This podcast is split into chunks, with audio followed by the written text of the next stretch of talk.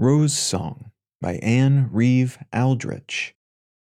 Plant above my lifeless heart crimson roses red as blood, as if the love pent there so long were pouring forth its flood.